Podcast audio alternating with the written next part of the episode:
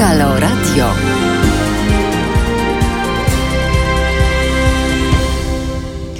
Ha, dobry wieczór Państwu. Cały czas tutaj jestem. Wiem, że mnie coś ucięło i na chwilę wyleciałam, ale mówiłam tak naprawdę do pustego mikrofonu przez przypadek, ale jestem tutaj i serdecznie witam Was wszystkich raz jeszcze. Już w tej chwili nic mnie odciąć nie powinno. E, właśnie mówiłam w tych początkowych słowach, że nadaję tę audycję zdalnie, stąd też drobne problemy techniczne, które mogą wystąpić, ale miejmy nadzieję, że już się nie powtórzą. Z powodów oczywiście mm, jak najbardziej oczywistych e, i typowych do przewidzenia, niestety nie ma mnie w Warszawie. E, cały czas jestem w moich rodzimych Mazurach i póki co jeszcze do Warszawy wrócić nie mogę. Ale na szczęście świetna technologia E, i całe zaplecze techniczne naszego radia pozwala mi być też tutaj cały czas z Państwem. Zapraszam serdecznie na nasz czat na YouTubie. E, mogą tam Państwo się ze mną kontaktować i dawać znać, że jesteście, bo mam nadzieję, że wszyscy stali słuchacze są już przy internetach, czyli tak zwanych radioodbiornikach. E, zapraszam też bardzo do pisania maili na adres skrzypczyk małpa haloradio, bądź też teraz małpa haloradio Przypominam też, że są odpowiednie posty na Facebooku, gdzie można wrzucać swoje komentarze, więc rzeczywiście możemy się czuć, że jesteśmy razem, pomimo tego, że trochę odcięci. E, można też dzwonić do mnie do studia pod numer 22 390 59 22. E, obiecuję, że jakość naszej rozmowy będzie taka, jakbym rzeczywiście tam była. E, witam też Tamarę, która jest w studio i realizuje tą e, audycję niezmiennie. Jednocześnie chciałabym podziękować całemu zapleczu technicznemu, technicznemu naszego radia, które dba o to, żeby w tym czasie, gdzie wszyscy jesteśmy w domach i mamy trochę więcej właśnie możliwości radia słuchać, to nasze zaplecze techniczne dba o to, żeby to wszystko się kręciło bez zmian. E, jednocześnie też mam e, odezwę do Państwa o to, że jeżeli siedzicie teraz właśnie przy komputerach i być może spędzacie ten czas na robienie jakichś zakupów online, troszkę może z nudów, to zastanówcie się, czy, czy warto chociaż część tych pieniędzy, oczywiście, że warto, przekazać na wsparcie naszego radia, bo Mam wrażenie i nadzieję, że teraz wszyscy trochę bardziej z tego korzystamy, bo daje nam to bardzo duże, silne uczucie przynależności i takiej jedności, że, mm, że gdzieś tam do jakiejś grupy, jak, jakiejś grupy częścią jesteśmy. Myślę, że to jest bardzo ważne teraz, kiedy nie możemy się gromadzić w inny sposób, to chociaż w tej przestrzeni wirtualnej jesteśmy razem. Także wesprzyjcie nas proszę. Bardzo dużo informacji odnośnie tego, jak to zrobić, znajdziecie na naszym Facebooku, Instagramie, naszej stronie internetowej e, Halo Radio. Mm, proszę tam proszę zerknijcie, żebyśmy nadal mogli w tym radio pracować również. proszę Państwa, tak jak zapowiadałam dzisiaj już w zajawce tej naszej audycji, dzisiejszy temat będzie trochę bardziej refleksyjny, ponieważ ciężko jest tak naprawdę, zastanawiałam się, co by Państwu w tej chwili interesowało. Mam wrażenie, że ciężko jest przeprowadzać audycję na temat na przykład miast przyszłości, bo jest to rozważanie dosyć abstrakcyjne.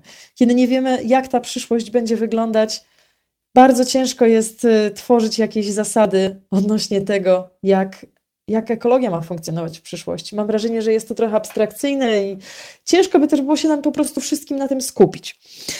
Dlatego wzięła mnie trochę taka refleksja mm, na temat tego, jak ten świat ekologiczny będzie wyglądał po kryzysie, przez który w tej chwili przechodzimy.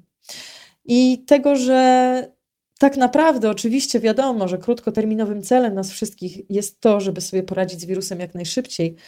Natomiast długoterminowym celem musi być również, e, również dbanie o przyrodę i naturę, bo tak jak zaraz wspomnę, właśnie od natury w zasadzie cały też ten kryzys się zaczął i warto o tym pamiętać.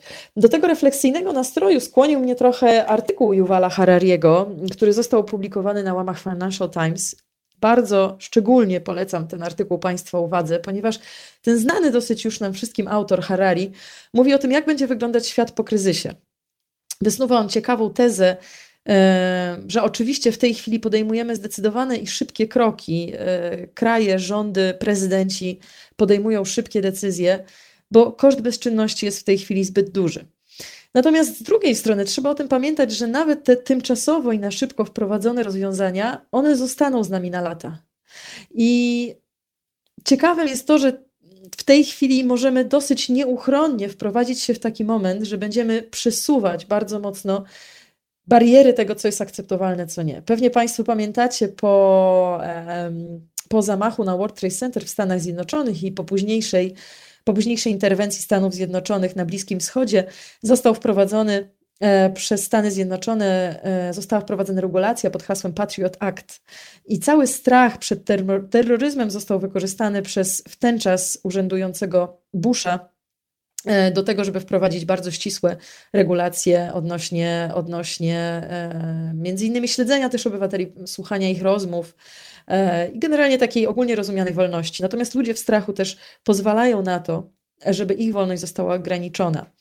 I oczywiście no, ciężko się przed tym zbraniać, ponieważ teraz wszystkie ręce na pokład i robimy co możemy. E, przykładem, który Yuval Harari we wspomnianym przeze mnie artykule on podaje, jest to, jaki system identyfikacji twarzy i śledzenia obywateli zastosowały Chiny odnośnie tego, żeby móc jak najlepiej identyfikować e, zarażonych obywateli, żeby odseparować ich od reszty społeczeństwa. Niewątpliwie są to dobre praktyki w tej chwili. Natomiast trzeba zapominać, że, znaczy trzeba pamiętać o tym, że poza myśleniem na temat tego, w jaki sposób e, jak najszybciej zwalczyć ten wirus i tą sytuację, w której jesteśmy, musimy też zastanowić się, w jakim świecie chcemy się obudzić później, po tym całym kryzysie.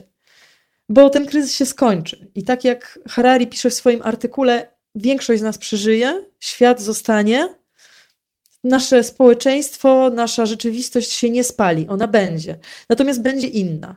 I w dużym stopniu będzie warunkowana przez to, co w tej chwili robimy. Nie dajmy się troszkę e, oszukać e, politykom, nie dajmy się zwieść też mediom, które bardzo mocno uczestniczą w budowaniu całej tej paniki. I pamiętajmy o tym, że musimy być odpowiedzialnymi, świadomymi obywatelami i zastanawiać się, na co możemy sobie pozwolić, a na co nie. Oczywiście też mówię to bardzo mocno w kontekście polskiej polityki, ale odnosi się to też do światowych rozwiązań. W kontekście natury i przyrody, ekologii, bo o tym oczywiście będę dzisiaj mówić, jak zwykle, natomiast bardzo się to wszystko łączy z polityką ostatnio. W kontekście natury promyk nadziei zdecydowanie dają doniesienia o zmniejszających się emisjach na całym świecie, szczególnie w krajach dotkniętych koronawirusem. Ludzie niektórzy rozpatrują to w kategorii pozytywnych efektów tego, co się w tej chwili dzieje. Wszyscy są bardzo zadowoleni z tego, że natura y, odradza się, że gdzieś tam obserwujemy narodziny się, narodziny y, gatunków, które są bardzo zagrożone. Ja sama też o tym mówiłam. I to jest racja, natomiast nie jest to jeszcze powód do szczęścia, ale jest to powód tak naprawdę do większej, głębszej refleksji. Y, raz jeszcze cofając się parę parę kroków w historię, kryzys finansowy w 2007-2008 roku pokazał, że nawet jeżeli w czasie kryzysu emisje zdecydowanie schodzą w dół, to później po kryzysie paradoksalnie te emisje odbijają nie tylko do poziomu, w którym wcześniej były, natomiast dużo wyżej, ponieważ kraje, e, gospodarka, ale też kapitalizm działa tak, że po kryzysie wszyscy chcą z powrotem wypompować te sektory gospodarcze tak, żeby pobudzić znów konsumpcję i produkcję. Więc w tej chwili, owszem, cieszymy się z tego, że emisje są mniejsze, natomiast co będzie w przyszłości i czy po kryzysie znów nie naruszymy tej natury, która dopiero co odzyskuje jakiś pierwsze, pierwszy oddech. W zeszłym tygodniu e, Polskę, no może nie świat, ale Polskę, Europę obiegła e, taka ciekawa mapa, która pokazywała emisje w Europie. I emisje rzeczywiście w tej chwili się zmniejszyły w takich krajach jak Włochy oczywiście, w dużej mierze te emisje się zmniejszyły przez, y, przez y, dużo mniejsze zapotrzebowanie na transport. Polska natomiast jest cały czas czerwoną kropą w Europie, ponieważ pomimo tego, że transport się zmniejszył, ale ludzie i tak przysiedli się do autobusów, bo nie korzystają z komunikacji miejskiej, komunikacji publicznej, ale nie zmniejszyło się u nas chęć grzania, palenia y, wysokoemisyjnymi i małośrodowiskowymi paliwami. Także tutaj w kontekście Polski to wcale nie jest takie optymistyczne.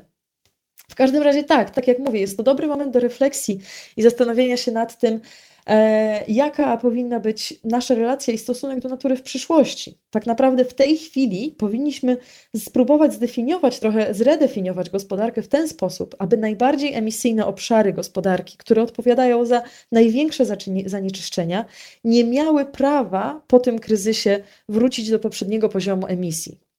Powinniśmy w tej chwili zastanowić się, jak podejść, wykorzystać może tą sytuację, że są trochę, ich aktywność jest trochę bardziej obniżona i spróbować jakby mm, postawić im pewne wyzwanie, żeby ta aktywność nie wróciła do takiego poziomu emisyjności, jaka była wcześniej.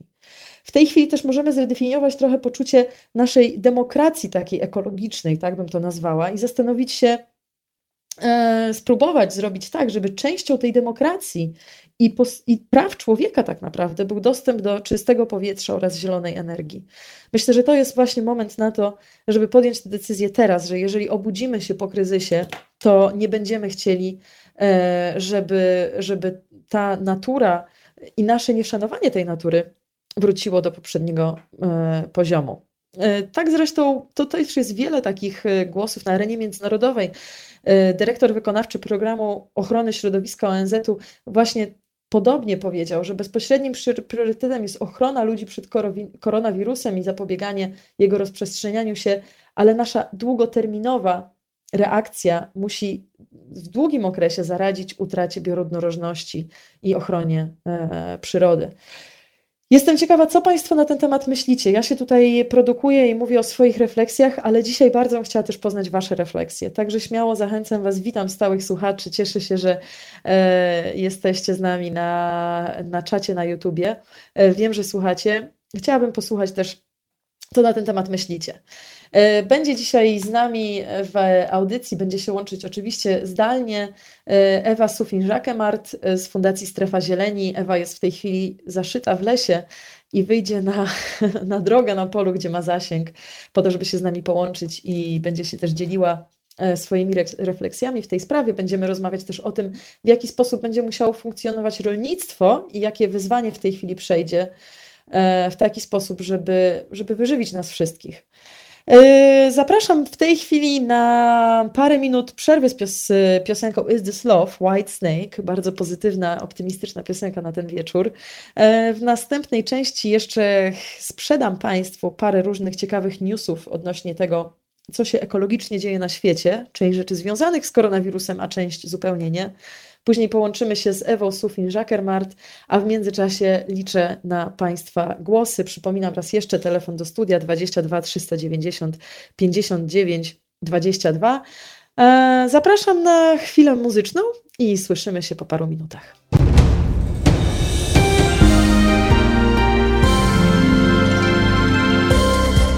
Halo Radio. Pierwsze medium obywatelskie.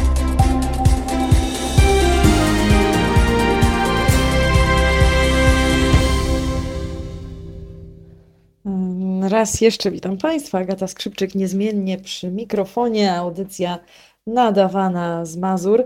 Chciałabym Państwa dzisiaj usłyszeć. Chciałabym usłyszeć, czy myślą Państwo w tych trudnych dniach y, również o przyrodzie, o naturze? Czy myślicie Państwo, że ochrona przyrody nadal będzie dla nas priorytetem? Czy to się jakoś zmieni? Y, czy uważacie, że w tej chwili nie mamy czasu i jakby miejsca, żeby myśleć o takich sprawach w ogóle.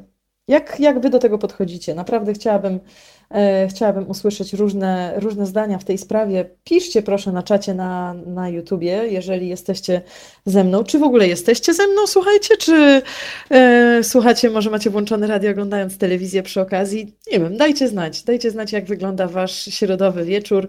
E, ja siedzę w małej, przyjemnej kanciapce z widokiem na jezioro w zasadzie, e, gdzieś tam prześwitujące tutaj obok. E, bardzo się cieszę, widząc ślady natury dookoła. Parę dni temu widziałam no, odchody wilka w lesie. E, z dużą przyjemnością byłam w stanie je zidentyfikować i fajnie jest Fajnie jest tak naprawdę gdzieś tam się zbliżyć znów do tej natury. Tak, tak, widzę oczywiście stałych słuchaczy, bardzo się cieszę, myślę, że jest Was więcej i strasznie się cieszę, że jesteście ze mną.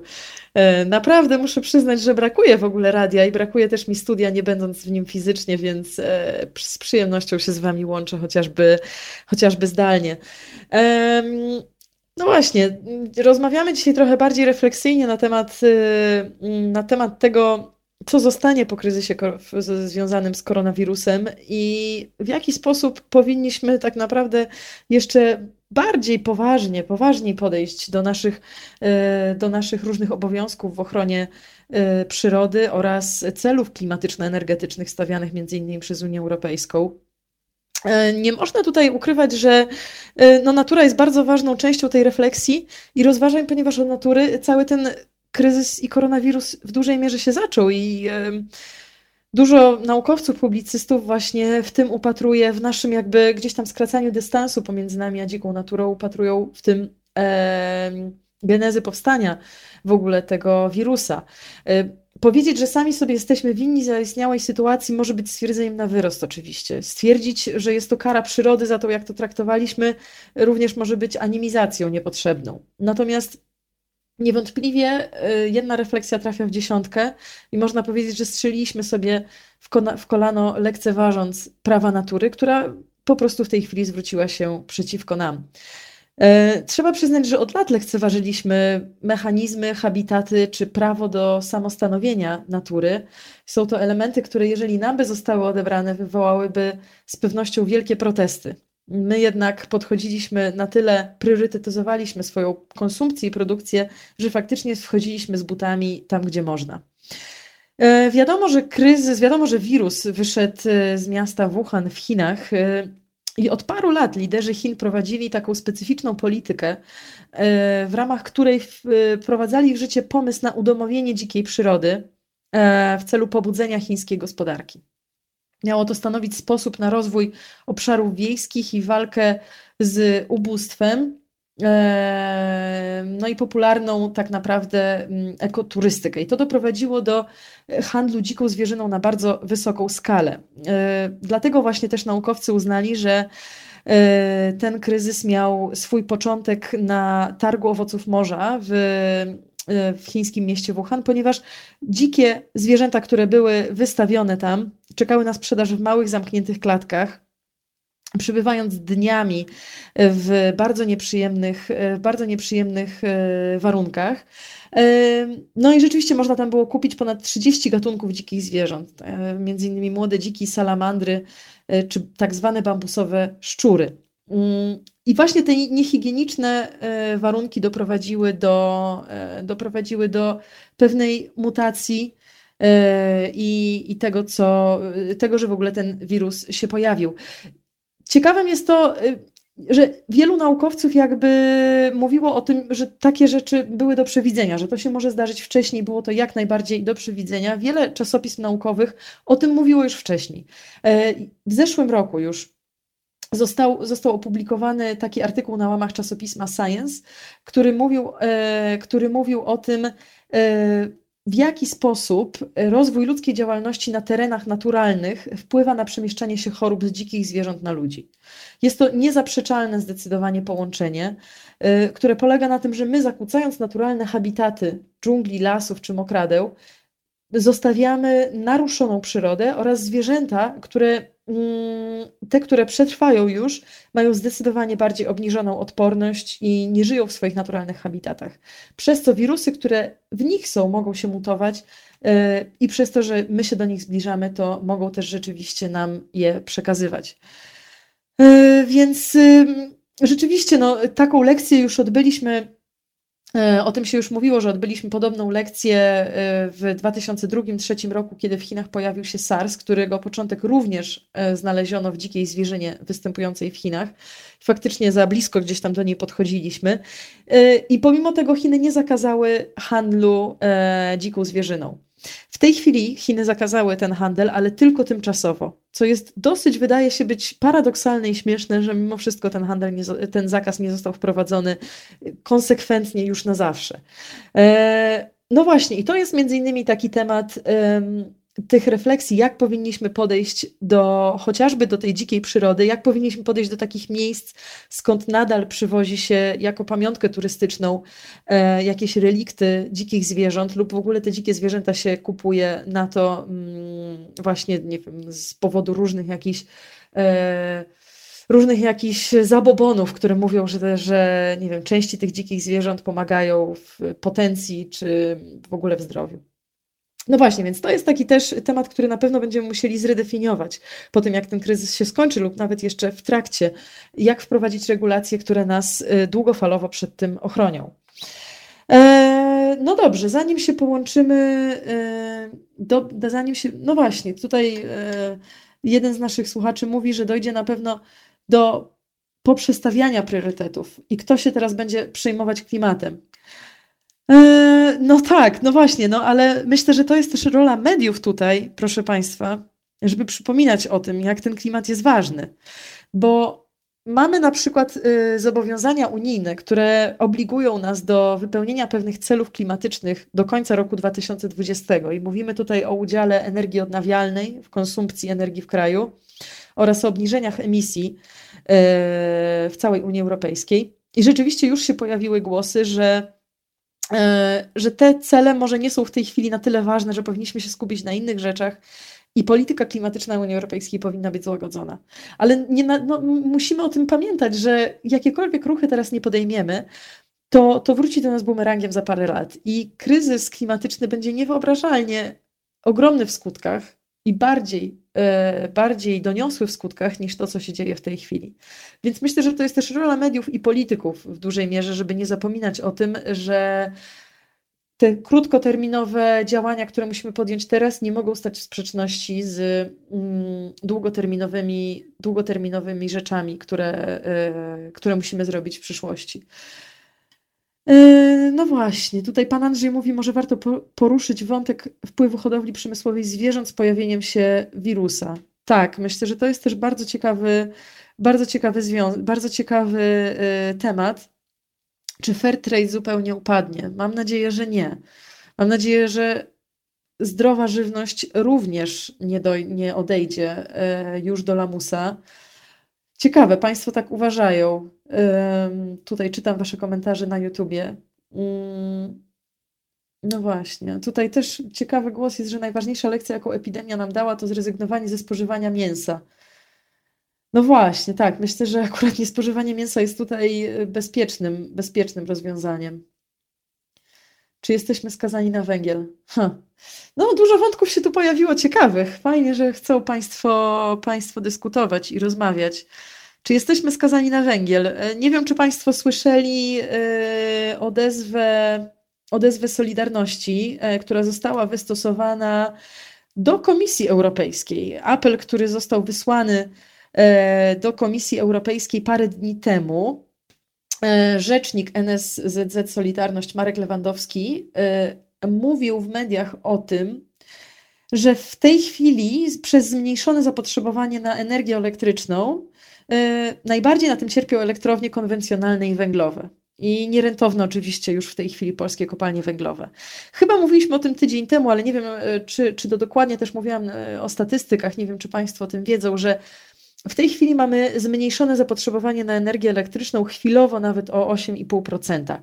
Y, polskie prawo mówi w ten sposób, że przy zmniejszającym się okresowo zapotrzebowaniu na energię, w pierwszej kolejności y, priorytet daje się źródłom energii, które mają mniejsze koszty zmienne. A mniejsze koszty zmienne to jest właśnie charakterystyka y, odnawialnych źródeł energii, czyli tutaj wiatr i słońce rzeczywiście wygrywają z konwencjonalną energetyką i faktycznie y, elektrownie węglowe mogą mieć zmniejszone zapotrzebowanie na kupno od nich energii elektrycznej. W związku z czym właśnie Marek Lewandowski, czyli rzecznik NSZZ Solidarność, mówił o tym, że chcieliby, e, żeby zawiesić pobieranie opłat za emisję dwutlenku węgla w związku z koronawirusem, ponieważ cała ta sytuacja jest zbyt obciążająca dla energetyki węglowej. Myślę, że ciekawym będzie teraz krok e, rządu naszego polskiego i to w jakim kierunku, e, w jakim kierunku pójdzie w zakresie energetycznej transformacji i tego, czy i tego, czy rzeczywiście gdzieś tam będzie dofinansowywać energetykę węglową po to, żeby się podniosło po kryzysie, czy może to będzie taki moment, gdzie rząd wykorzysta tę sytuację jako wymówkę na to, żeby w końcu trochę odciąć, że tak powiem, dofinansowania właśnie dla nierentownych kopalni i dla nierentownych obiektów energetyki konwencjonalnej. Jeżeli wcześniej rząd nie mógł znaleźć takich argumentów, żeby nie tracić popularności, wśród swojego elektoratu, to może to jest jakaś forma, jakaś wymówka, którą może tutaj w tym wypadku wykorzystać. E, no właśnie, ciekawe, bardzo ciekawa jestem, co Państwo na ten temat myślą. Obiecałam Wam parę newsów ekologicznych, ale zaczęłam tutaj e, dyskutować z, właśnie o tym węglu. Szybko tylko powiem. Nie wiem, czy Państwo wiedzą, e, w Wielkiej Brytanii, myślę, że w Polsce też, też to przyjdzie, między innymi jest problem z kartonem. No właśnie, Służby porządkowe, które odbierają odpady, też działają w tym czasie koronawirusa gorzej. Ja to widzę zresztą u siebie w domu, w którym w tej chwili przybywam. E, rzadziej przyjeżdżają śmieciarki po odbiór odpadów. Pracownicy ci myślę, że nie mają też zapewnionych odpowiednich warunków bezpieczeństwa, więc rzeczywiście ta, ta praca jest trochę na e, mniejszej częstotliwości. W krajach, w których recykling działa bardzo dobrze, o czym jeszcze może, czego nie można powiedzieć o Polsce, pojawia się taki problem, że nie ma surowców, Mm, kartonowych do przetwarzania, a z drugiej strony jest bardzo duży popyt na karton z racji tego, że wszyscy zamawiają jedzenie, biorą, biorą żywność na wynos. Wiele rzeczy jest kupowanych, pakowanych, y, wysyłanych, y, wysyłanych pocztą. E, I faktycznie na przykład właśnie w Wielkiej Brytanii pojawił się ten problem, skąd brać y, surowce do produkcji kartonu z racji tego, że recykling działa już gorzej. Problem też jest ten w Niemczech, który karton w dużej mierze importował z Polski a z racji tego, że granice zostały zamknięte, to też ten surowiec został odcięty. Więc to są jakieś takie kolejne, kolejne wyzwania, które się pojawiają chociażby na tym, y, na tym tle. Drugą informacją, która gdzieś tam chyba też w mediach umknęła, y, co jest bardzo ważne, ostatnimi czasy były najcieplejsze dni na Antarktydzie. Y, mało się o tym mówiło, bo skupienie było na innych kwestiach. Natomiast już znajduję sobie tutaj Chciałam dokładne, e, dokładne informacje Wam powiedzieć, jak to wyglądało. W każdym razie luty był bardzo, bardzo ciepły. Zaczęły się, zaczęła się praktycznie wiosna na Antarktydzie e, w zupełnie niespodziewany sposób. E, I faktycznie w 9, 9 lutego na południu Ameryki, Ameryki Południowej została została zanotowana temperatura powyżej 20 stopni Celsjusza, co w ogóle nie powinno się pojawić. I też w ogóle maksymalna temperatura właśnie w tamtych obszarach w całym lutym była cieplejsza niż jakiekolwiek średnie, więc y, to też warto o tym pamiętać. A jeszcze jeden news do tego wszystkiego dorzucę, tak przed przerwą, pozytywny, to to, że żółw szylkretowy, który jest niezwykle zagrożonym gatunkiem, E, zaczął się odradzać na plażach Brazylii. I ostatnio fotografowie zanotowali narodziny wyklucie się około 100 przedstawicieli tego gatunku na jednej z plaży w Brazylii, dzięki temu właśnie, że ludzie siedzą w domach, a plaża ta jest zdecydowanie bardziej pusta niż w normalne dni. Ach, dobrze. Czekam na więcej Waszych komentarzy, do których będę się mogła odnieść z moją gościnią już po tej przerwie. Zapraszam Was na chwilę muzyczną i już po chwili łączymy się z gościnią, która już czeka na telefonie. Zostańcie z nami i do usłyszenia. Halo Radio. Witam Państwa po przerwie. E, w tej chwili jest już e, ze mną na linii Ewa Sufin-Żakerman z Fundacji Strefa Zieleni. Cześć Ewo. Witaj, witaj i witam wszystkich słuchaczy. Cześć, jak dobrze Cię słyszeć. Powiedz, e, powiedz nam skąd się łączysz, bo wiem, że jesteś w jakimś pięknym, pięknych terenach. E, tak, jestem na skraju Puszczy Kozienickiej, 15 kilometrów przed Kozienicami w lesie. Mam taką wydeptaną ścieżkę na polu wzdłuż mojego płotu gdzie, gdzie muszę wyjść, żeby mieć zasięg. Więc e, e, chodzę sobie po polu i rozmawiam z tobą. Ach, bardzo się cieszę. O, to są bardzo przyjemne warunki do rozmowy, tak mi się wydaje. E, Ewo, rozmawiamy dzisiaj o tym trochę refleksyjnie, w jaki sposób koronawirus wpłynie na ekologię w ogóle i na nasze podejście do zobowiązań klimatycznych, energetycznych i co tak naprawdę ten koronawirus za sobą zostawi? Mówiliśmy chwilę przed przerwą, tylko tak Cię wprowadzę, mówiłam między innymi o tym, że w tej chwili emisje spadają i się z tego powodu cieszymy, natomiast mm, myślę, że dla wielu osób, które gdzieś tam mają taką bardziej długoterminową wizję, jest to trochę zatrważająca ta perspektywa, że po kryzysie to znów może wszystko odbić w stronę, w którą nie chcemy, żeby to poszło. Wiem, że ty jakiś czas temu napisałaś artykuł na ten temat i bardzo chciałabym poznać twoje refleksje. No właśnie. No, to nie jest, znaczy to jest y, taki moment, który oczywiście jest y, wielką szansą pod tym względem, że każdy kryzys może albo być wielką tragedią i pozostać jako taka, e, albo może być jakimś punktem odbicia. To znaczy się oczywiście w samym momencie kryzysu najważniejsze jest pomóc ludziom, prawda? Na krótkoterminowo. W tej chwili rzeczywiście priorytetem jest e, zdrowie ludzi i pomóc tym, którzy zostali bez środków do życia albo w dużych trudnościach. I również jeśli chodzi o przedsiębiorstwa, szczególnie te małe i średnie, bo te wielkie sobie poradzą, natomiast e, te małe i średnie przedsiębiorstwa oczywiście muszą być w tej chwili wsparte.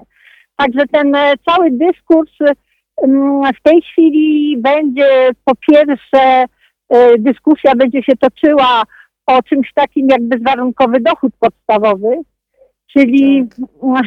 w jaki sposób w czasach chaosu, a teraz mamy właśnie taki czas chaosu, wielkiego kryzysu, e, e, zapewnić bezpieczeństwo, minimalne bezpieczeństwo materialne, e, poczucie bezpieczeństwa ludziom. I zmiany klimatu wiążą się właśnie z zagrożeniami najróżniejszego typu zjawisk prowadzących do chaosu, E, takich jak właśnie wielkie katastrofy, powodzie, susze, e, upały, e, migracje, czyli wszystkie takie no, zjawiska, które powodują, że ludzie potencjalnie tracą zajęcia, muszą się przemieszczać i tak dalej. Więc wówczas ten coś w rodzaju bezwarunkowego dochodu podstawowego E, bezwarunkowy dochód podstawowy to jest taka koncepcja, no tak jak emeryci, prawda? Każdy dostaje swoje pieniążki, czyli tutaj jest kwestia taka, żeby e, każdy e, bez wyjątku dostał jakąś kwotę pieniędzy, dostawał przez całe swoje życie jakąś kwotę, minimalną kwotę pieniędzy, która jest jako jakimś tam zabezpieczeniem. I czyli myślę, że to, bo to jest, to jest zresztą bardzo zielona perspektywa, no bo to Y, w jaki sposób niektórzy na przykład w tej chwili taką dyskusję prowadzą, czy bezwarunkowy dochód podstawowy y, mógłby być, dać środki wspomagające na tą transformację ekologiczną, która jest, która jest konieczna, która będzie się wiązała z pewnymi kosztami. I w związku z mhm. tym, żeby dać ludziom większe zasoby, żeby mogli koszty tej transformacji na siebie wziąć prawda? Więc, więc cała ta dyskusja, y, to ekologia i kwestie społeczne są ze sobą bardzo ściśle związane. Nie uda się żadnej transformacji ekologicznej zrobić, jeżeli nie weźmiemy pod uwagę sytuacji ludzi, bo inaczej po prostu wszyscy staną okoniem i, i, będzie to oczywiście zrozumiałe. Więc teraz tak. właśnie ta sytuacja kryzysowa przede wszystkim właśnie E, zmusza do refleksji w tym kierunku. No ale niebezpieczeństwo jest takie, żeby się to nie odbyło tak jak w 2008 roku, kiedy, e, kiedy została, zostały dofinansowane wielkie banki i potem bardzo szybciutko wróciliśmy do sytuacji business as usual. Czyli mm, w tym momencie, e, no tak jak czytam na przykład pan minister środowiska Woś, który napisał, że Europejski Zielony Ład trzeba będzie odłożyć. No absolutnie mhm. nie. To jest właśnie ten moment, kiedy e, poza wsparciem bezpośrednim e, dla wszystkich, żeby mogli przez samą sytuację kryzysową przeżyć, trzeba właśnie Europejski Zielony Ład jak najszybciej wdrażać i przyspieszać, e, dając fory i pomoc tym, którzy będą chcieli już teraz przestawiać ich działalność w kierunku działalności bardziej ekologicznej i zgodnej z kierunkiem, w którym musimy iść. Tak właśnie przygotowując się do tego dzisiejszego naszego spotkania z Państwem, sobie przypomniałam e, niesamowitą historię francuskiego przedsiębiorstwa, które się nazywało To Jak jest, się nazywało? To była Fralib. Okej. Okay to była jedna z dwóch fabryk przez, przez Unię, wielką globalną korporację. I po kilku latach Unilever tam produkował takie herbaty i, i ziołowe pod marką Elefant. I mm, w pewnym momencie po kilku latach ze względu na zwykłe mechanizmy globalizacji e, postanowiono, mimo że zakład e, miał się dobrze i produkował tam 6 tysięcy ton tych herbatek w najlepszych okresach, e, Unilever z czysto kapitalistycznych powodów postanowił przenieść tą produkcję gdzieś do Azji i zamknąć fabrykę. Mhm. No i wtedy oczywiście e, zrobiła się wielka awantura i pracownicy się postawili i e, e, pracownicy postawili przejąć zakład. Wykupić, znaczy przejąć od, od e, firmy i jedyne co chcieli od firmy Unilever, to żeby tamci dali im e, bazę danych e, tysiąca klientów i prawo do używania ich poprzedniej marki Elefant, którą potem się rozwinął Lipton i marka Elefant zniknęła. Więc oni niewiele chcieli, Mimo to y, toczyła się czteroletnia wojna z korporacją, żeby pracownicy mogli y, cały swój, czyli wszystkie maszyny, bo te maszyny po prostu miały być wyrzucone na śmietnik, a ludzie wyrzucili te maszyny w dobrym stanie. Czyli po prostu zamknięta fabryka, wszystkie maszyny wyrzucone na śmietnik, ludzie zwolnieni, prawda? Więc y, y, pracownicy chcieli przejąć te maszyny, czyli całą tą moc produkcyjną i otworzyć y, własny zakład jako kooperatywę. I mhm. no, trwało to wiele lat, całe w ogóle procesy były w związku z tym i tak dalej. I przy okazji tej, tego wieloletniego procesu mm, pracownicy firmy przeszli przez proces uczenia się i wzrostu świadomości. Jednocześnie przeanalizowani wszystko to robili, bo tej herbatki z czasem było coraz mniej herbaty w herbacie i było coraz bardziej więcej pestycydów i tak dalej, i tak dalej. I oni w końcu tą kooperatywę, którą potrafili otworzyć, postanowili otworzyć, to z lokalnymi rolnikami ekologicznymi e, chcieli podpisać właśnie umowy, o zakontraktować, żeby rozwinąć produkcję tych e, ziołowych e, różnych roślin, ziół do ekologicznych, do e, lokalnie, żeby czyli jednocześnie wspomóc gospodarkę lokalną i, i, i po prostu przejąć swoją starą markę i robić to w formie kooperatywy. Cała ich to było wspólne uczenie się, bo jednocześnie oni przeanalizowali, co ta firma robiła źle dla świata i dla ludzi. I takie było mhm. ich wspólne uczenie się. Cała, cała wieloletni proces takiego wspólnego, wspólnej edukacji i to się udało. I powstała kooperatywa, która się nazywa SCOPTI i ich pierwsza herbatka ziołowa, którą wyprodukowali, nazywa się 1336 bo tyle dni trwała ich walka. Więc, e, no więc właśnie z tej okazji e, pierwsza ich herbatka tak, taką właśnie ma nazwę. Także to jest o tyle e, taka bardzo inspirująca historia, która pokazuje, jak w sytuacji kryzysowej potrafiło powstać coś i dzisiaj jest 10 lat później, i mm, skop TI wciąż bardzo dobrze prosperuje. Więc y, y, ja pamiętam w 2008 roku cała tak zwana ekonomia społeczna i solidarna we Francji, która tam produkuje 28% PKB, y, bardzo dobrze przeszła przez cały okres kryzysowy. Jak teraz patrzę na kooperatywę Dobrze, której jestem członkinią w Warszawie, kooperatywę spożywczą, mhm która ma swoje dwa sklepy. I jak ludzie się organizują, jak się wspierają, jak to jest po prostu coś niesamowitego.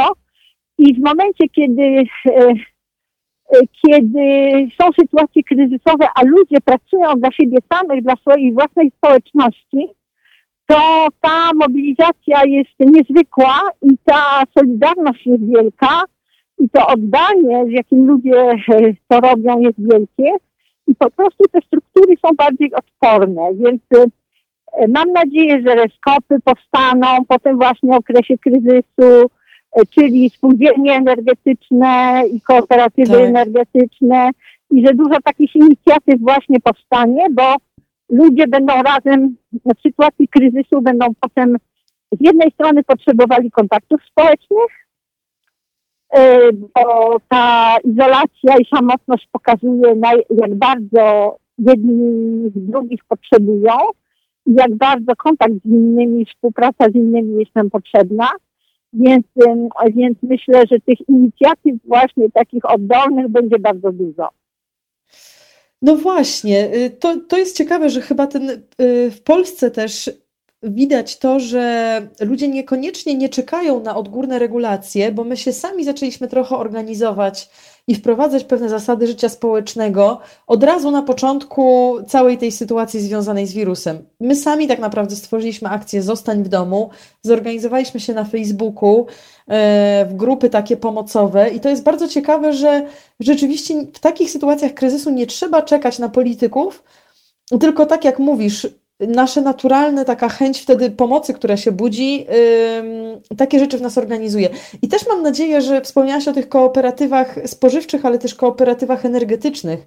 Ja mam taką nadzieję, rozmawiałam o tym, yy, o tym dwa dni temu trochę więcej prywatnie, że Mam wrażenie, że to jest też dobry moment na to, żeby zredefiniować energetykę, która nie zastanawiać się nad tym, czy atom, czy węgiel, tylko traktować energetykę jako jako kwestia, która jest, że, że to jest jakby rzecz nasza, że to nie jest rzecz korporacji i rządu, mhm. tylko energetyka powinna być w rękach ludzi, bo ona oznacza dla nas dużo, dużo więcej niż e, sam prąd płynący z gniazdka. To oznacza jakby no, dostęp tak, w ogóle do, na... prawda?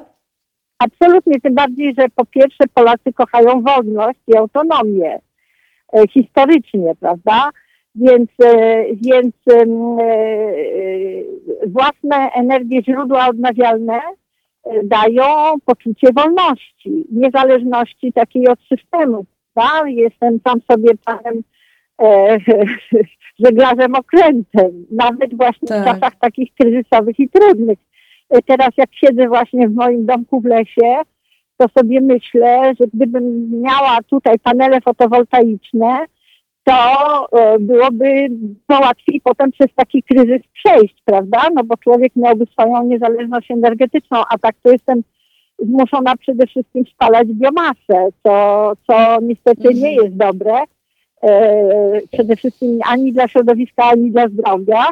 No i już się właśnie zastanawiam, jak to zrobić, żeby to zmienić, prawda? Więc są właśnie też takie okazje.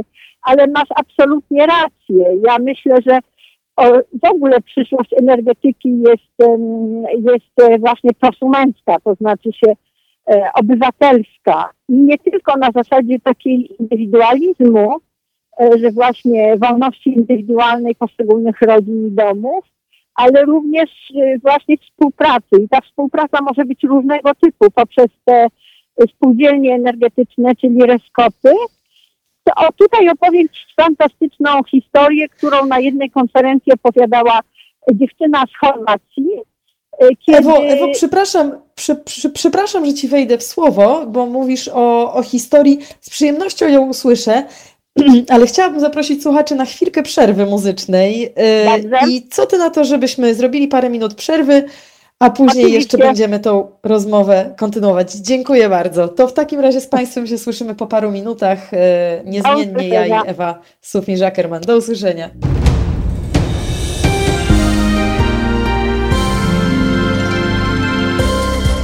Halo Radio.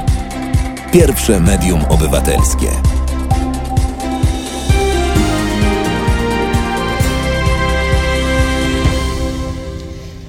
Już się dżingiel chyba skończył. 5 minut po godzinie 20, środa wieczór. E, ja się nazywam Agata Skrzypczyk, niezmiennie przy mikrofonie w audycji ekologicznej Halo tu Ziemia do godziny 21 jeszcze. E, chciałam Państwu jeszcze powiedzieć, że w tej chwili cały czas mamy na antenie, na telefonie naszą gościnię Ewę Sufin-Żakermant, ale chciałam powiedzieć, że chwilę po tej rozmowie będą mogli Państwo dzwonić pod numer 22 390 59 22 bo też bym chciała trochę z Państwem porozmawiać. E, Ewo, Ewo, czy jesteś tam po drugiej stronie cały jestem, czas? Jestem, jestem, jestem, jestem, oglądam gwiazdy w tej chwili. Ojejku, jak Ci dobrze. Ja mam tylko jeszcze prośbę do naszej realizatorki Tamary, że straszny pogłos słyszę u siebie w słuchawce i słyszę się chyba ze, ze trzy razy. O. Także jakby się coś tam udało z tym zrobić, to by było fajnie. E, a e, wracamy do naszej rozmowy. Ewo, chwilę przed przerwą zaczęłaś, e, zaczęłaś rozmawiać, zaczęłaś opowiadać historię związaną z naszym dzisiejszym tematem.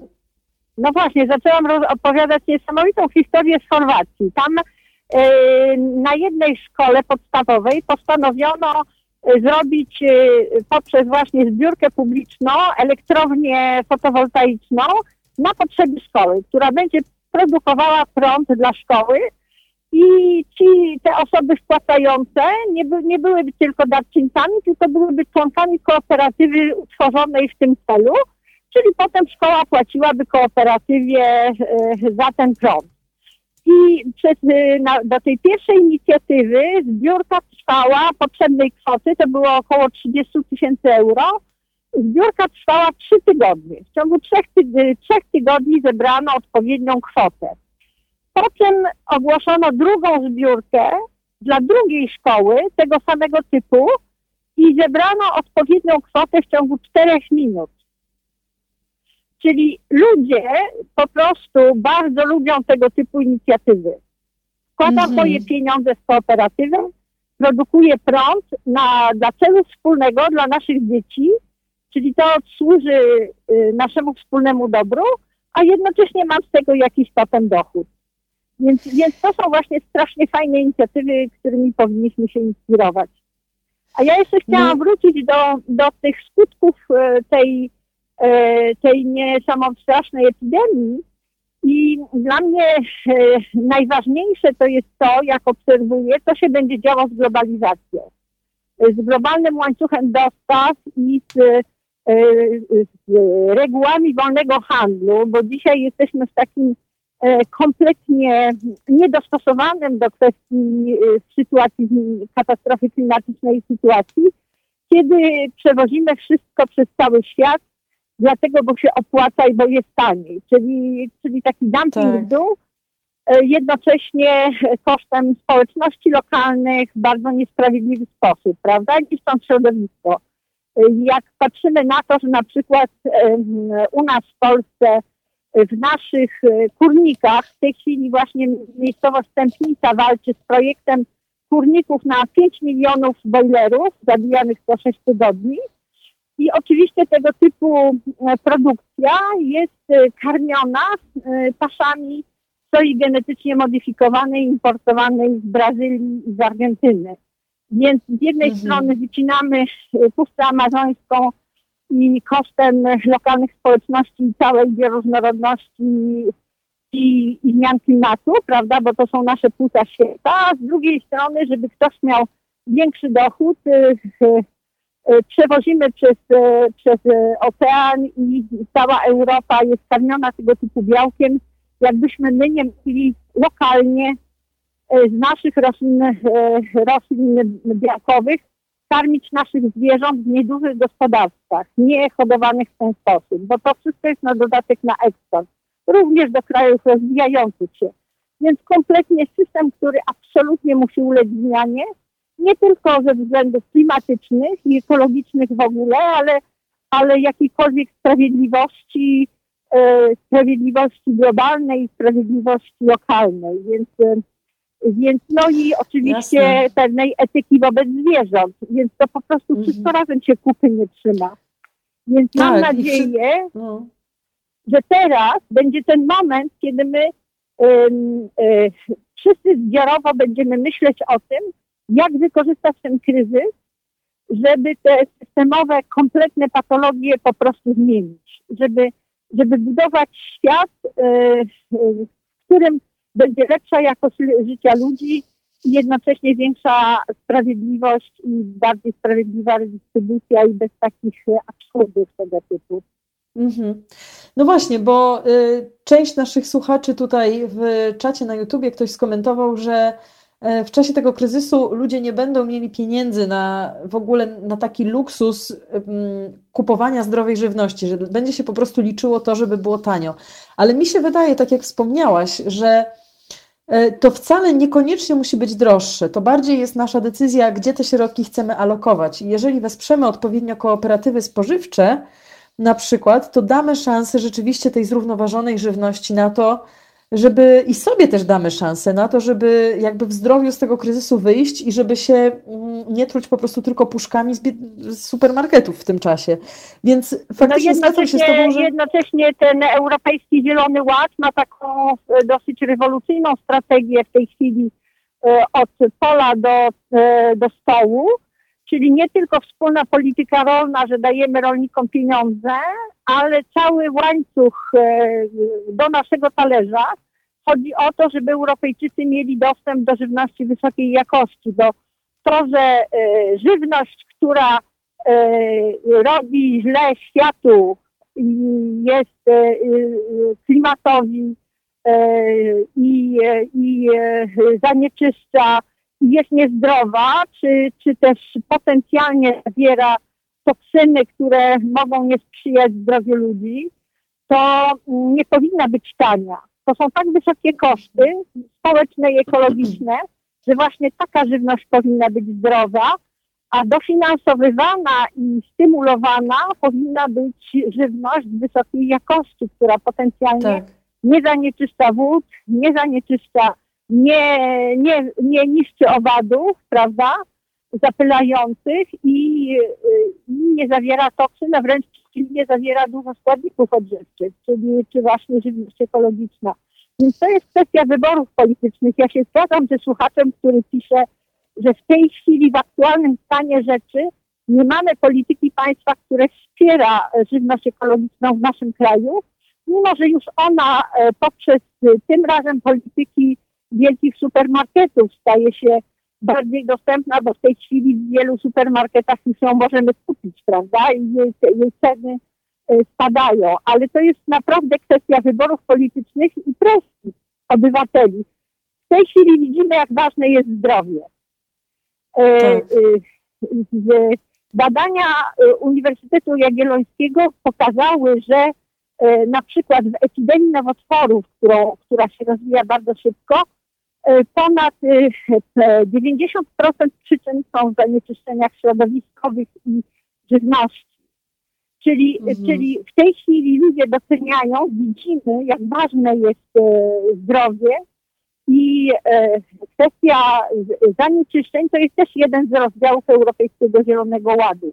Właśnie wyeliminowania zanieczyszczeń z naszego środowiska. To jest bardzo ważny dział. I musimy, nasze rządy E, właśnie przyciskać do ściany, żeby w tą politykę wchodziły i żeby wchodziły jak najbardziej, najambitniej i najszybciej, prawda? Bo wyeliminowanie tych zanieczyszczeń jest w naszym interesie. Służba zdrowia um, musi być nie tylko dostosowana do takich wielkich epidemii, ale również chodzi o to, żeby po prostu jak najmniej ludzi chorowało z tytułu zanieczyszczeń środowiska. No jak na przykład 40 tysięcy ludzi przedwcześnie umiera z powodu smogu, a, a, a nie wiadomo ile choruje z tego powodu, prawda? Ma mhm. różnego typu i korzysta z, z usług z systemu zdrowia, więc kwestia na, na system zdrowia no, z tego powodu. No właśnie, i tutaj myślę, że też ten cały kryzys pokazuje nam, jak ważne jest gdzieś tam czytanie między liniami i patrzenie cały czas w dłuższej perspektywie, ponieważ Kwestię zanieczyszczenia powietrza trochę bagatelizujemy, bo jej skutki zdrowotne są długotrwałe. To są jakby skutki gdzieś tam, które wracają za ileś lat. Natomiast w tej chwili myślę, że w tym y, czasie kryzysu skutki zdrowotne y, emisji w Polsce gazów cieplarnianych i zanieczyszczenia powietrza właśnie teraz wracają, bo było ciekawe, długie omówienie w czasopiśmie Guardian, które mówiło o tym, w jaki sposób ludzie żyjący w dużych, dużych aglomeracjach me, me, miejskich, zanieczyszczonych aglomeracjach miejskich, czyli tak jak te polskie miasta, jak oni są dużo bardziej narażeni na skutki koronawirusa, który właśnie atakuje ten układ oddechowy. Więc no gdybyśmy właśnie. naciskali na polityków odpowiednio wcześniej, to tak naprawdę mielibyśmy lepsze szanse na przejście zdrowo przez to, co się teraz dzieje. Więc nigdy nie wiemy, no kiedy tak, to wróci. Ale, tak samo z żywnością. Ten, ten, e, ten, ten, e, ten akurat wirus atakuje drogi oddechowe, ale nie wiadomo, jaki będzie następny. No e, Jest też właśnie te prace, które się w tej chwili ukazują, które zwracają uwagę na to, że ponieważ bardzo niszczymy bioróżnorodność, wymierają kolejne gatunki co roku, prawda? Tak. tak jak e, raport IPBS, e, to jest takie naukowe ciało, odpowiednik IPCC dla klimatu, e, nam pisali w ostatnim raporcie, że w ciągu najbliższej dekady możemy stracić nawet milion gatunków roślin i zwierząt. Więc mhm. natomiast naukowcy nam mówią, że uwaga, uwaga, bo różne gatunki są nosicielami swoich własnych patogenów w momencie, kiedy te gatunki giną, czyli tracimy bioróżnorodność, te różne patogeny mutują jest większa szansa, że niektóre z tych patogenów e, się dostosują właśnie do tego, żebyśmy my byli żywicielami, czyli będą atakowali ludzi, atakowały ludzi. Więc im bardziej będziemy niszczyć bioróżnorodność, tym bardziej jesteśmy nas narażeni na następne, kolejne różne epidemie, nie wiadomo czego, więc im, im ludzie będą zdrowsi, e, odporni, e, mieli system immunologiczny e, silny, tym bardziej będą dostosowani, tak jak w przyrodzie bioróżnorodność służy e, większej odporności na przykład na temperatury, na suszę, na zmianę klimatu, bo łatwiej e, e, zna ileś te rośliny, które się dostosują, tak samo ludzie im bardziej będą odporni, mniej narażeni na osłabieni poprzez wszystkie presje środowiskowe i toksyny, które na co dzień ich organizmy są, muszą, muszą z nimi walczyć, tym bardziej będziemy odporni na przyszłe e, ewentualne tak. epidemie. Więc to wszystko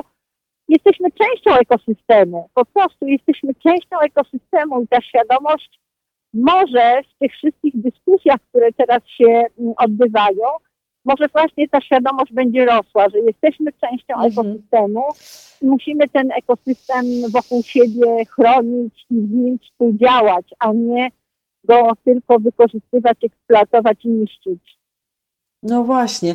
A mówiłaś też o tym, jak. Yy jak wymieranie gatunków, y, jak bardzo też właśnie ma te długookresowy y, wpływ na, na patogeny chociażby, to tylko chciałam tutaj dorzucić do tego informację, że czasopismo Science w zeszłym roku podało swoje obliczenia, które mówią, że prawie 9 tysięcy gatunków y, zwierząt na świecie jest zagrożona tylko, jest zagrożona wyginięciem tylko w wyniku nielegalnego handlu, czyli właśnie tej no, praktyki, no, no która w Chinach doprowadziła też do tej sytuacji, e, w której jesteśmy.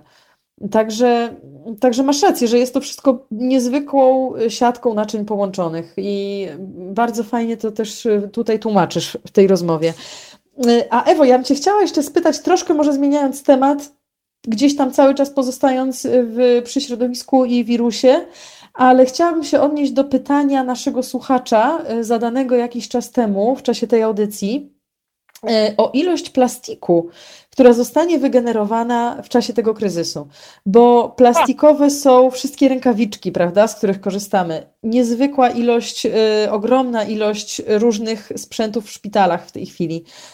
Y, dostawy żywności na wynos, prawda, które nie możemy mhm. w swoich pudełkach ich wziąć. Więc ten plastik nagle wejdzie do obiegu ze wzmożonym zdecydowanie, we wzmożonym tempie. Myślę, że służby sprzątające nie, nie będą na tyle wydolne, żeby, żeby segregować ten plastik efektywnie. Myślisz, że to będzie też duże wyzwanie dla nas w przyszłości i co z tym zrobić no, w ogóle? Na pewno, ja mam nadzieję, że to będzie tylko czasowe, prawda, że to nie będzie, że to jest tylko w tym okresie największego kryzysu i że to się y, nie będzie przedłużone. Jednocześnie jak patrzę na przykład na Czechów, którzy wbrew innym krajom swoją, trochę tak jak Koreańczycy, swoją epidemię opanowali przez właśnie ludzi, którzy się zmobilizowali, zrobili wielką, wielką kampanię i przez, przez trzy dni uszyli z materiału, ze ścinków, z materiału i tak dalej. Całe Czechy szyły maseczki i w ciągu trzech dni zaopatrzyli wszystkich mieszkańców kraju w maseczki z materiału wielokrotnego użytku, które można prać i prasować.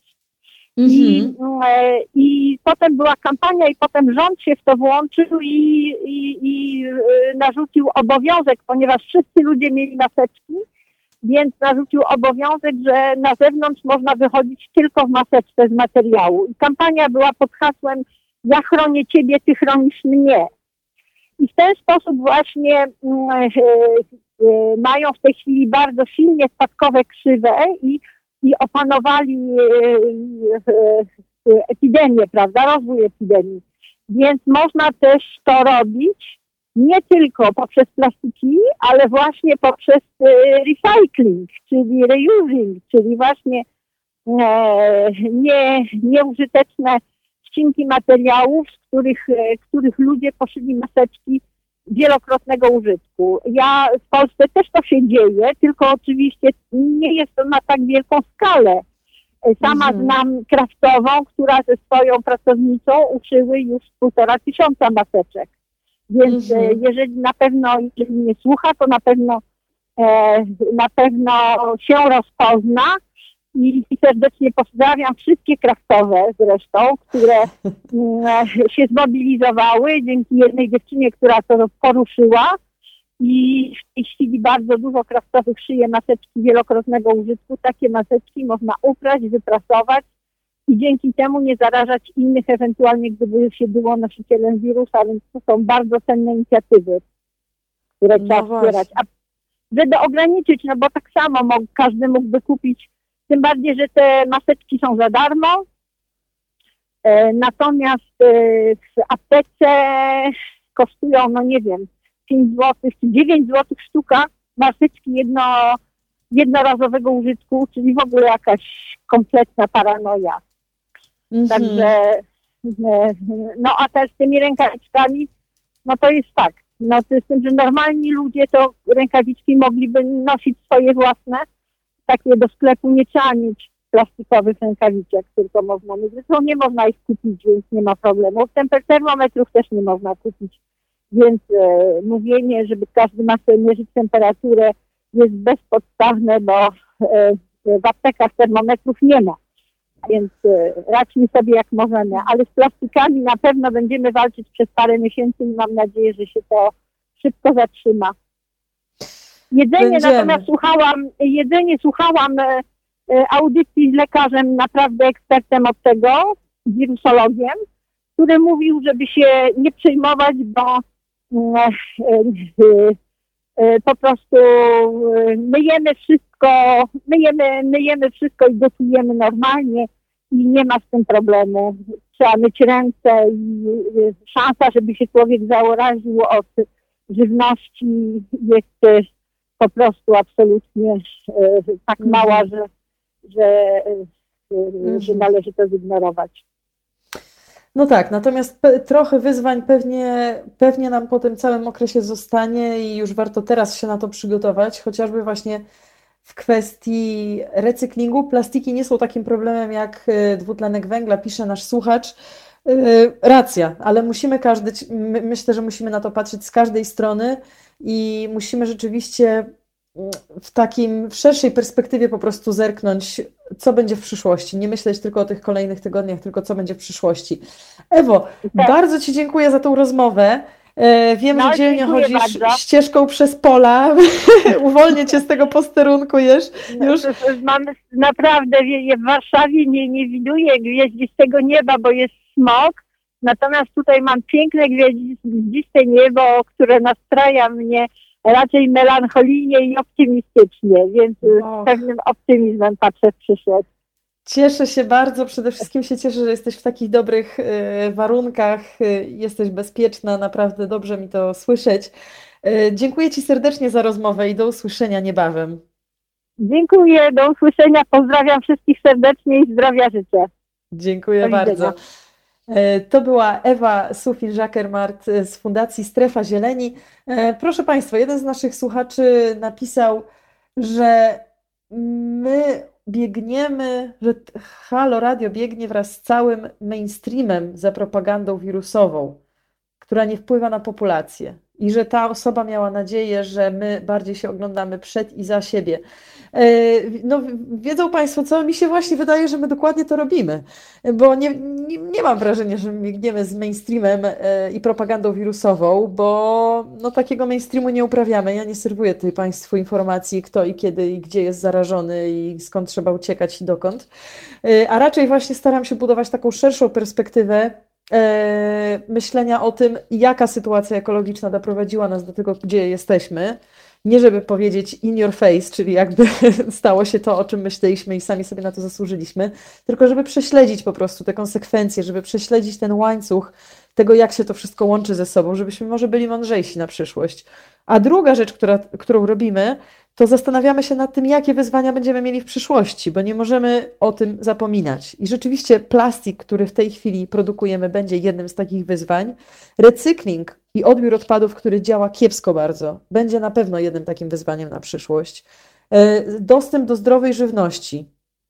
E, w momencie, kiedy wszyscy się rzucili na zakupy w supermarkecie, to będzie też zdecydowanie e, jednak wyzwanie w przyszłości. Okej, okay, może o tym więcej jeszcze po przerwie, bo jeszcze z przyjemnością się z Państwem połączę na te kolejne 10 minut. Proszę sobie zapiszcie numer telefonu do studia, bo może macie jakiś komentarz do tego, co mówiła Ewa na antenie. Y, Ewa jest zawsze niezmiennie bardzo ciekawą rozmówczynią. Być może chcecie skomentować któreś, któreś z jej słów, więc dzwońcie pod numer telefonu 22 390 59 22. I już za chwilę po piosence Briana, Adamsa e, wracam jeszcze do Państwa.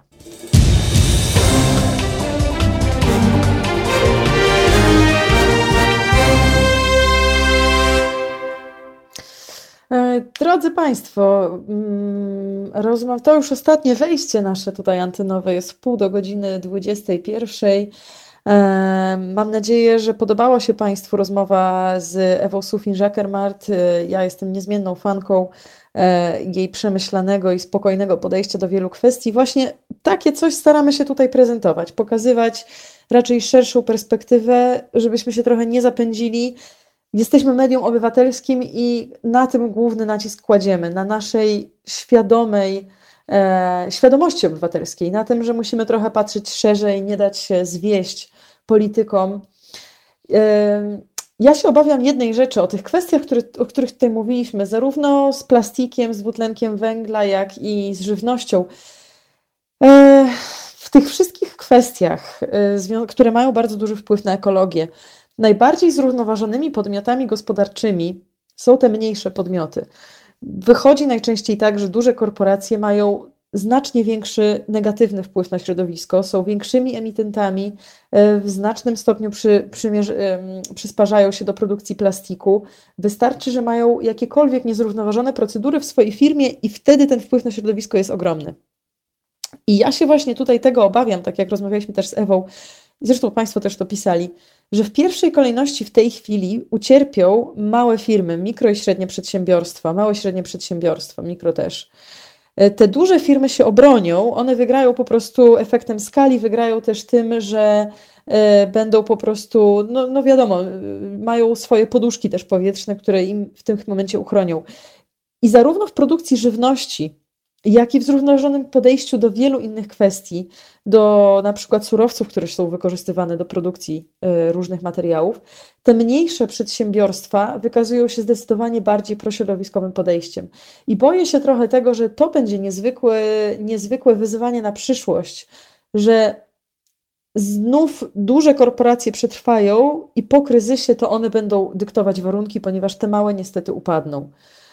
E, bardzo bym nie chciała, żeby tak się stało, żeby na przykład e, chociażby, nie wiem, farmy przemysłowe, e, te na większą skalę, one będą mogły, nie wiem, zapewnić bardziej zrównoważoną produkcję żywności, więc później będziemy po prostu skazani na żywność z takich źródeł.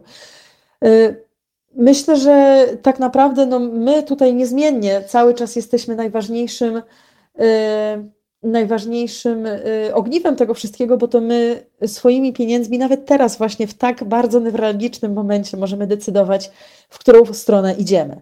Więc ja bardzo zachęcam też Was do tego, jeżeli jesteście teraz w domach i y, robicie zakupy przez internet na przykład, jest trochę więcej czasu, żeby podejmować decyzje niekompulsywne, a bardziej świadome. Jeżeli, nie wiem, kupujecie w tej chwili e, odzież przez internet czy jakieś buty, zerknijcie naprawdę, mm, czy to jest firma, którą chcecie wspierać. Ja nie będę tutaj mówić nazw, ale są, są marki, chociażby odzieżowe, których ja nie wspieram już od lat i nie kupuję stamtąd rzeczy, ponieważ mają ogromny koszt społeczny, środowiskowy, koszt emisji, transportu, który właśnie każda taka część odzieży, którą kupujemy, niesie. E, jeżeli możemy, jeżeli i tak musimy się już ustawiać w kolejce po, jakieś, e, po, jakieś, e, po jakąś żywność, czasami trzeba wyjść i te zakupy zrobić. Idźmy nie stojąc w kolejce pod supermarketem, bo w tej chwili w takiej samej kolejce musimy tam odstać, tylko rzeczywiście znajdźmy sklepy kooperatyw społecznych, które są w wielu, wielu miastach i idźmy teraz i je wesprzyjmy. Nawet jeżeli może odrobinę te produkty będą droższe, podejrzewam, że niekoniecznie wcale nie na tyle, na pewno będą to zdrowsze, zdrowsze produkty. E, I tak jak jeden z naszych słuchaczy powiedział, może bardzo e, takim stanowczym językiem, ale powiedział, trzeba jeść, a nie żreć. Rzeczywiście, zjedz, jedzmy mniej, nie obżerajmy się w czasie tej kwarantanny, e, natomiast jedzmy produkty, które zapewnią nam lepsze zdrowie, po prostu lepszej jakości. Bardzo, bardzo, bardzo mi się podobają słowa naszego wiernego słuchacza, który właśnie je napisał na naszym czacie na YouTubie. Mamy broń, możemy bojkotować. To są fantastyczne słowa. To powinniśmy w tej chwili robić. Wykorzystajmy ten czas y, zostania w domu. E, wykorzystajmy ten czas zostania w domu właśnie na to, żeby podejść świadomie do naszych, do naszych akcji, do tego, co robimy i co chcemy zabojkotować. Oczywiście dużym wyzwaniem właśnie w ramach tego bojkotu będą zbliżające się wybory. E, i to obranie jakiejś strategii, jeżeli one w ogóle przyjdą, to myślę, że trzeba będzie tutaj przyjąć jakąś strategię, co będzie lepszym bojkotem, głosowanie na kontrkandydatów, którzy może się wydają bardziej słuszni, e, czy, czy zbojkotowanie tych wyborów i zupełnie nie wzięcie w nich udziału. Więc mamy parę różnych dylematów przed sobą, zarówno związane z polityką, jak i właśnie z naszą konsumpcją. E, I w tej chwili je wykorzystajmy. Możemy naprawdę. Pokazaliśmy, że w wielu, e, w wielu aspektach życia wywieramy nacisk i potrafimy się grupować. I tą naukę też powinniśmy odnieść do ekologii. I wcale nie powinniśmy obniżać naszych wymagań e, klimatycznych, nie powinniśmy sprawiać, że teraz to nie jest priorytet. Jak najbardziej. Myślę, że powinniśmy pokazać politykom, że słuchajcie, takie kryzysy mogą nadejść, one nadejdą. Chcemy być do nich lepiej przygotowani, chcemy być zdrowsi następnym razem. Chcemy, być, chcemy mieć lepsze dostęp do lepszych regionalnych produktów po to, żeby móc sobie zapewnić bezpieczeństwo właśnie w takich czasach. Także bardzo proszę nie zapominajmy o tym i, y, i też jeżeli rozmawiacie z kimś na różne tematy, to naprawdę podejmujcie ten temat ekologii.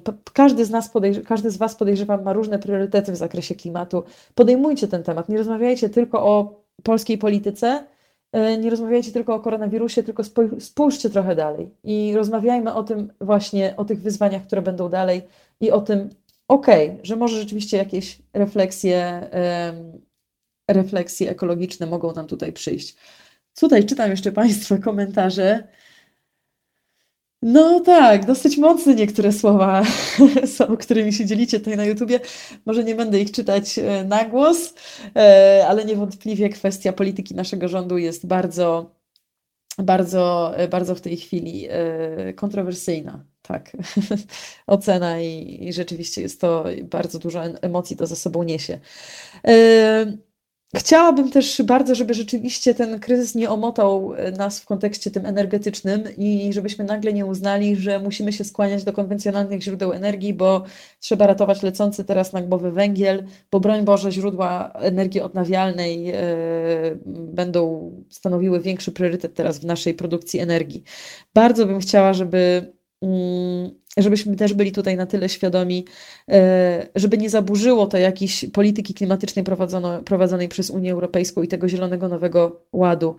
E, I rzeczywiście ja tutaj będę, obiecuję, że co tydzień, czy zdalnie, czy ze studia, jakkolwiek mi się uda, będę prezentować Wam e, różne kwestie związane z ekologią, które toczą się własnym życiem poza tym, co się dzieje z wirusem. I zachęcam Was do tego, żebyście sami też takie rzeczy śledzili. W wielu różnych mediach, nie mówię o tych polskich, masowych mediach, bo to jest, pożal się Boże, ciężko tam znaleźć cokolwiek innego w tej chwili niż, niż budowanie paniki, wszędzie czerwone paski, czerwone kropki. No ciężko naprawdę. W każdym razie, jeżeli sięgniecie trochę dalej, w mniej mainstreamowe media, takie jak Halo Radio, bądź też media zagraniczne, jeżeli... Yy, jeżeli, jeżeli operujecie językiem, który, który pomoże, was się, pomoże Wam się z nimi zapoznać. Są wszędzie zakładki z, różnymi, z różną tematyką i są też najczęściej zakładki związane ze środowiskiem, z energetyką. Bardzo dużo newsów tam jest e, niezależnych od kryzysu i tego, co się dzieje. Przeczytajcie je, czytajcie je naprawdę i ułóżcie to wszystko sobie w taki jeden obrazek związany e, z gospodarką. E, tego właśnie myślę, że naprawdę bardzo dużo się można teraz nauczyć. Nie dajcie się zwieść tylko polskim mainstreamowym mediom, bo naprawdę muszę przyznać, próbowałam je śledzić przez jeden dzień, kiedy cały ten kryzys się zaczął i strasznie źle to się e, odbiło na mojej psychice. Po prostu w jakimś takim zupełnym rozedrganiu nagle po, po, e, pozosta pozostałam, nie wiedząc co mam zrobić, bo przecież zaraz wojsko idzie i zamknie Warszawę i w ogóle, Boże kochany, w którą stronę tu się ruszyć. Nie, no nie dajcie się omamić. Zamiast tego lepiej co zróbcie? To zachęcam Was bardzo do ustawienia jakichś regularnych wpłat na Halo Radio, bo myślę, że co ten kryzys też teraz dobrego robi, to pokazuje właśnie to, jakie media trzeba wspierać i że rzeczywiście macie w Halo Radio całe spektrum różnych informacji, różnych wiadomości. Z każdej możliwej strony podejście do rzeczywistości kulturowo-społecznej i gospodarczej w tym trudnym okresie więc jeżeli rzeczywiście chcecie też gdzieś tam tą drobną cegiełką się e, teraz e, przyczynić do, do wspierania dobrych mediów, to faktycznie wspierajcie nas, bo e, mam nadzieję, że będziemy z Wami jeszcze dłużej i będziemy robić tą robotę, którą teraz robimy i cieszę się, że jesteście z nami. Mam nadzieję, że jesteście zadowoleni z tego, co, co tutaj Wam prezentujemy. Dobrze, to była moja odezwa do narodu. Ktoś tu mówi TVP, telewizja wirtualnie Polsatowana. Okej, okay. ciekawe. No TVP to ja już nie wiem, kiedy ostatnim razem na oczy widziałam. Może ktoś jeszcze to ogląda, chociażby dla rozrywki, ale myślę, że to nie ma sensu.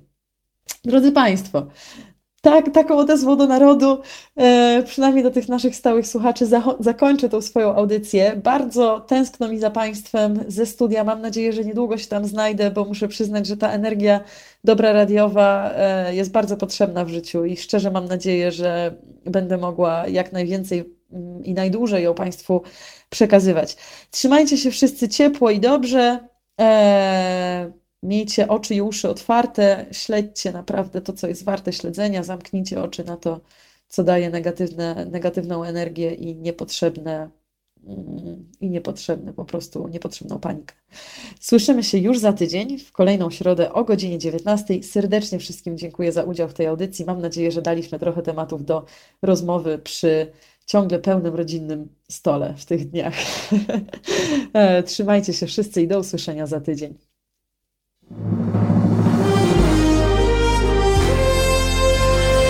To proste. Żeby robić medium prawdziwie obywatelskie, potrzebujemy Państwa stałego wsparcia finansowego. Szczegóły na naszej stronie www.halo.radio, w mobilnej aplikacji na Androida i iOS-a oraz na koncie Fundacji Obywatelskiej w serwisie www.patronite.pl. Naszym darczyniom i darczyńcom serdecznie dziękujemy www.halo.radio. Słuchaj na żywo, a potem z podcastów.